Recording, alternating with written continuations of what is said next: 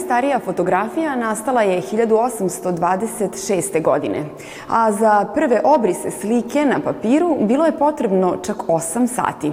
Gotovo 200 godina kasnije gledanje sveta kroz objektiv postalo je svakodnevica. Toj specifičnoj umetnosti posvećujemo i prve minute današnje arterije.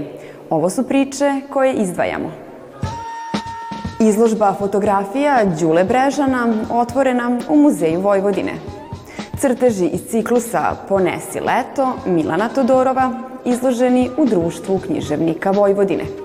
Zoran Bulatović predstavio svoje radove na izložbi pod nazivom Dani baleta.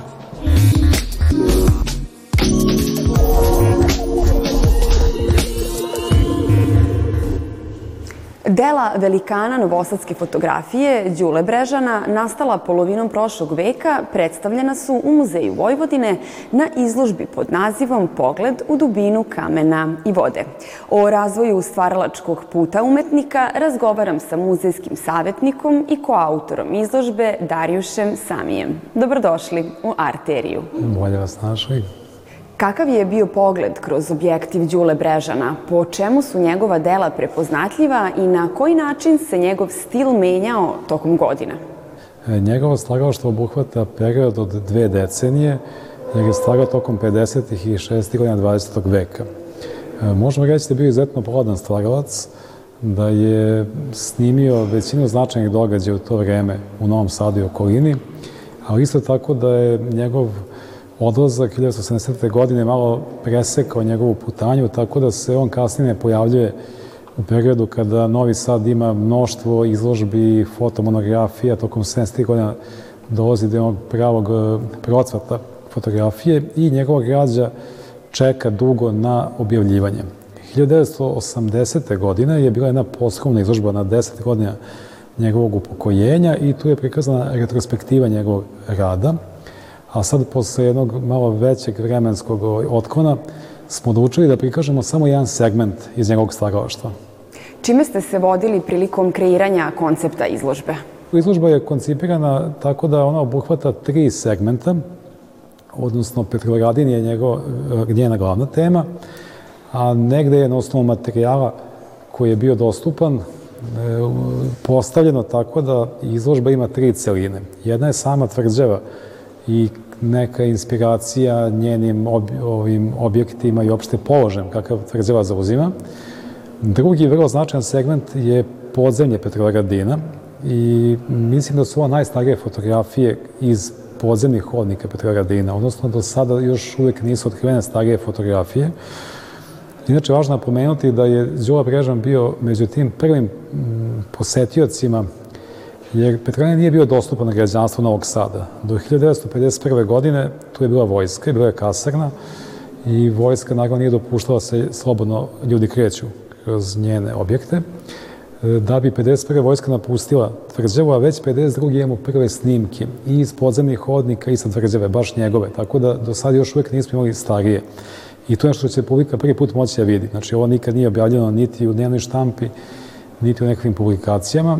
E, kasnije, 1957. je sama vojska organizovala jednu ekspediciju da se istraže hodnici i Đula Brežan je učestvovao u toj ekspediciji. 1957. godine on je pratio e, vojnu ekspediciju i to je izašlo u Fejtonu u Mađarsu u novembru 1957. godine i nešto malo kreacije u dnevniku takođe u novembru 1957. godine.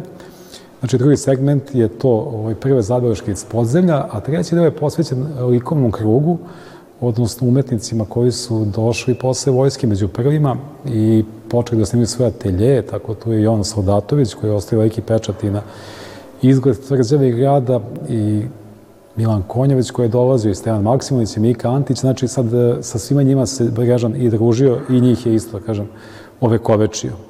Da li se stvaralaštvo Đule Brežana može posmatrati kao svojevrsno svedočenje o razvoju i menjanju Novog Sada? Naravno, mi smo namerno odabrali samo jedan segment da bi moglo da se radi još izložbi, znači da se ova izložba apsolutno ne može da pokrije njegovo stvaralaštvo.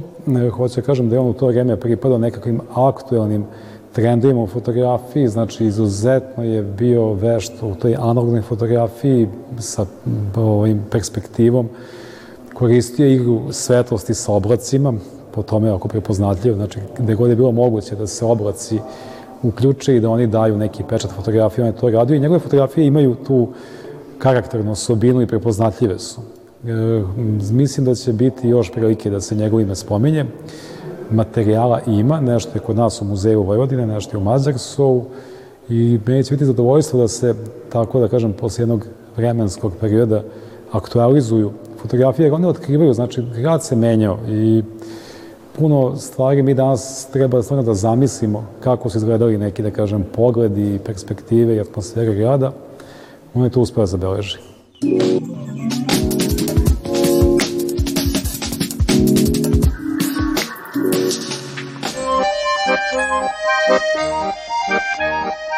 Crteži nastali prevlačenjem prsta po ekranu telefona i to u jednom potezu sada su se našli na izložbi Ponesi leto, koja je otvorena u galeriji Društva književnika Vojvodine. Leto je autoru, likovnom umetniku i književniku Milanu Tudorovu poslužilo kao metafora da pretoči na papir radost života koja je najočiglednija u tom godišnjem dobu.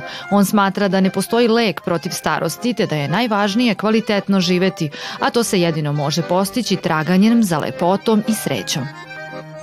Ti crteže su nerazdvojni od ovog romana. Najbolje godine nastale su prošle godine u isto vreme, jer ja sam želeo da napišem jednu laku bonvivalsku knjigu, dakle da ne bude ovaj, nikakva istorija, pseudoistorija, veliki problemi porodica velikih i tako dalje, nego da bude prikazana radost života. U galeriji koja je bila do poslednjeg mesta ispunjena postavku je otvorio predsednik Društva književnika Vojvodine Jovan Zivlak, koji je svoje impresije iskazao rečima. Ova izložba nije samo predmećeni svet, već autorov kulturni, umetnički i imaginarni svet. Život se stalno nastavlja kroz fragmente, nema nikada kraja i mi ćemo se takođe jednog dana sigurno nastaviti kroz fragmente, da li genetske ili bilo kakve druge, ćemo se nastaviti negde i e, mislim a, to poverenje u beskonačnost, radost i ljubav života čini osnovu i romana i ovih slika koje se kreću hronološki od ranog proleća do jeseni, nešto poput ljudskog života. Ciklus sačinjen od 25 odobranih radova malih formata pred sam kraj godine došao je sasvim prirodno, metaforično prenosivši poruku da u neke naredne dane ponesemo leto i nešto najlepše što imamo iz života.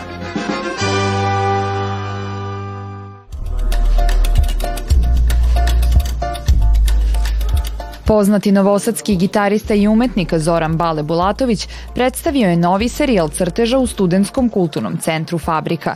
Na izložbi pod nazivom Dani baleta, ništa papir, samo tekstil, u kojoj se sukobljavaju intelektualno i manuelno, zvučno i ikonično, Bulatović uspeva da spoji vizuelna iskustva manje poznatih kultura, nagoveštavajući simbole samo u tragovima nemam tehniku da se iza nje skriva. Zato što mnogi, jel tako, čim navežbaju tehniku, onda kao samo tehnikom i to može da izgleda ono impresivno i ovaj, kao sve kako treba i ovamo onamo, a, a praznikavo je ja tehnike nikakve nemam, tako da ovaj, to što izađe iz mene ili radi ili ne radi.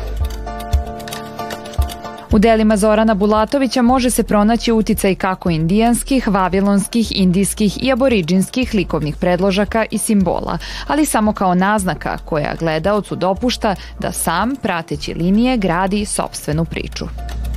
Do sad sam uglavnom crtao samo na papiru crteže, a ove godine je moj drug Pampus počeo da mi donosi platne i kaže nemoj više samo na tom kao papiru, ajde malo na platno. I ja dobro, pa sam se onda počeo, pa sam se navukao na platno i onda sam mislio da će u stvari većina biti na platnu, ali pošto sam do tada ono napravio gomilu ovih na papiru, onda su izloženi i ti na papiru. Promenivši podlogu na kojoj stvara i prešavši sa papira na tekstil, Zoran Bale Bulatović dao je svojim crtežima još jednu dimenziju, zahvaljujući kojoj deluju drevno, poput egipatskih hieroglifa ili grafita u ranohrišćanskim katakombama.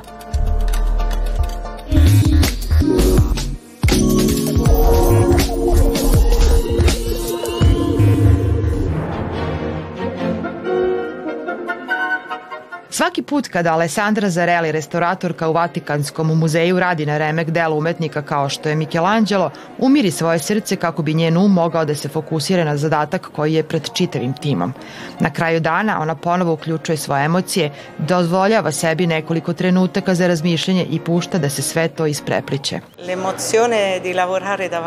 Emocija koju osjećam tokom rada na Michelangelovom delu je zaista neopisiva, ali pokušavam da ostanem smirena dok radim. Moram da se koncentrišem na materijal i na posao, jer bi u suprotnom bila paralizovana emocijama.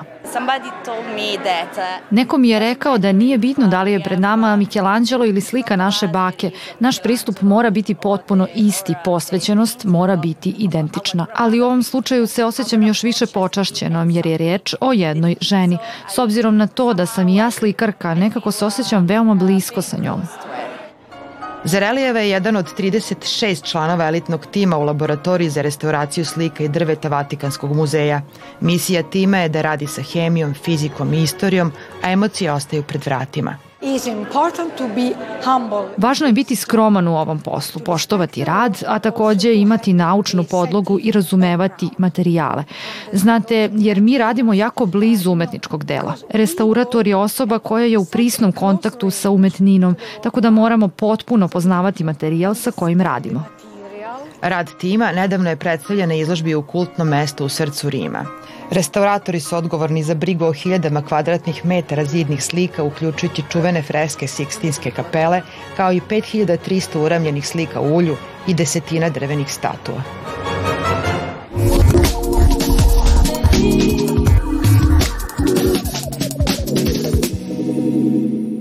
Ja sam veliki filmofil. Inače, već nekoliko decenija unazad ja sam kolekcionar uh, starih filmova, odnosno filmske klasike. Tako da sam, inače sam jedan od najvećih poznavalaca filma. Uh, koje godine, kad je snimljen, ko igra, ko je režirao, to, to sve. Ali, pa ja bih najradije predložio neki film. A sad, da li mogu jedan? Mogu da kažem koji su, mogu da kažem koji su mi omiljeni, omiljeni filmovi. Svakako Dan šakala, iz 68. godine.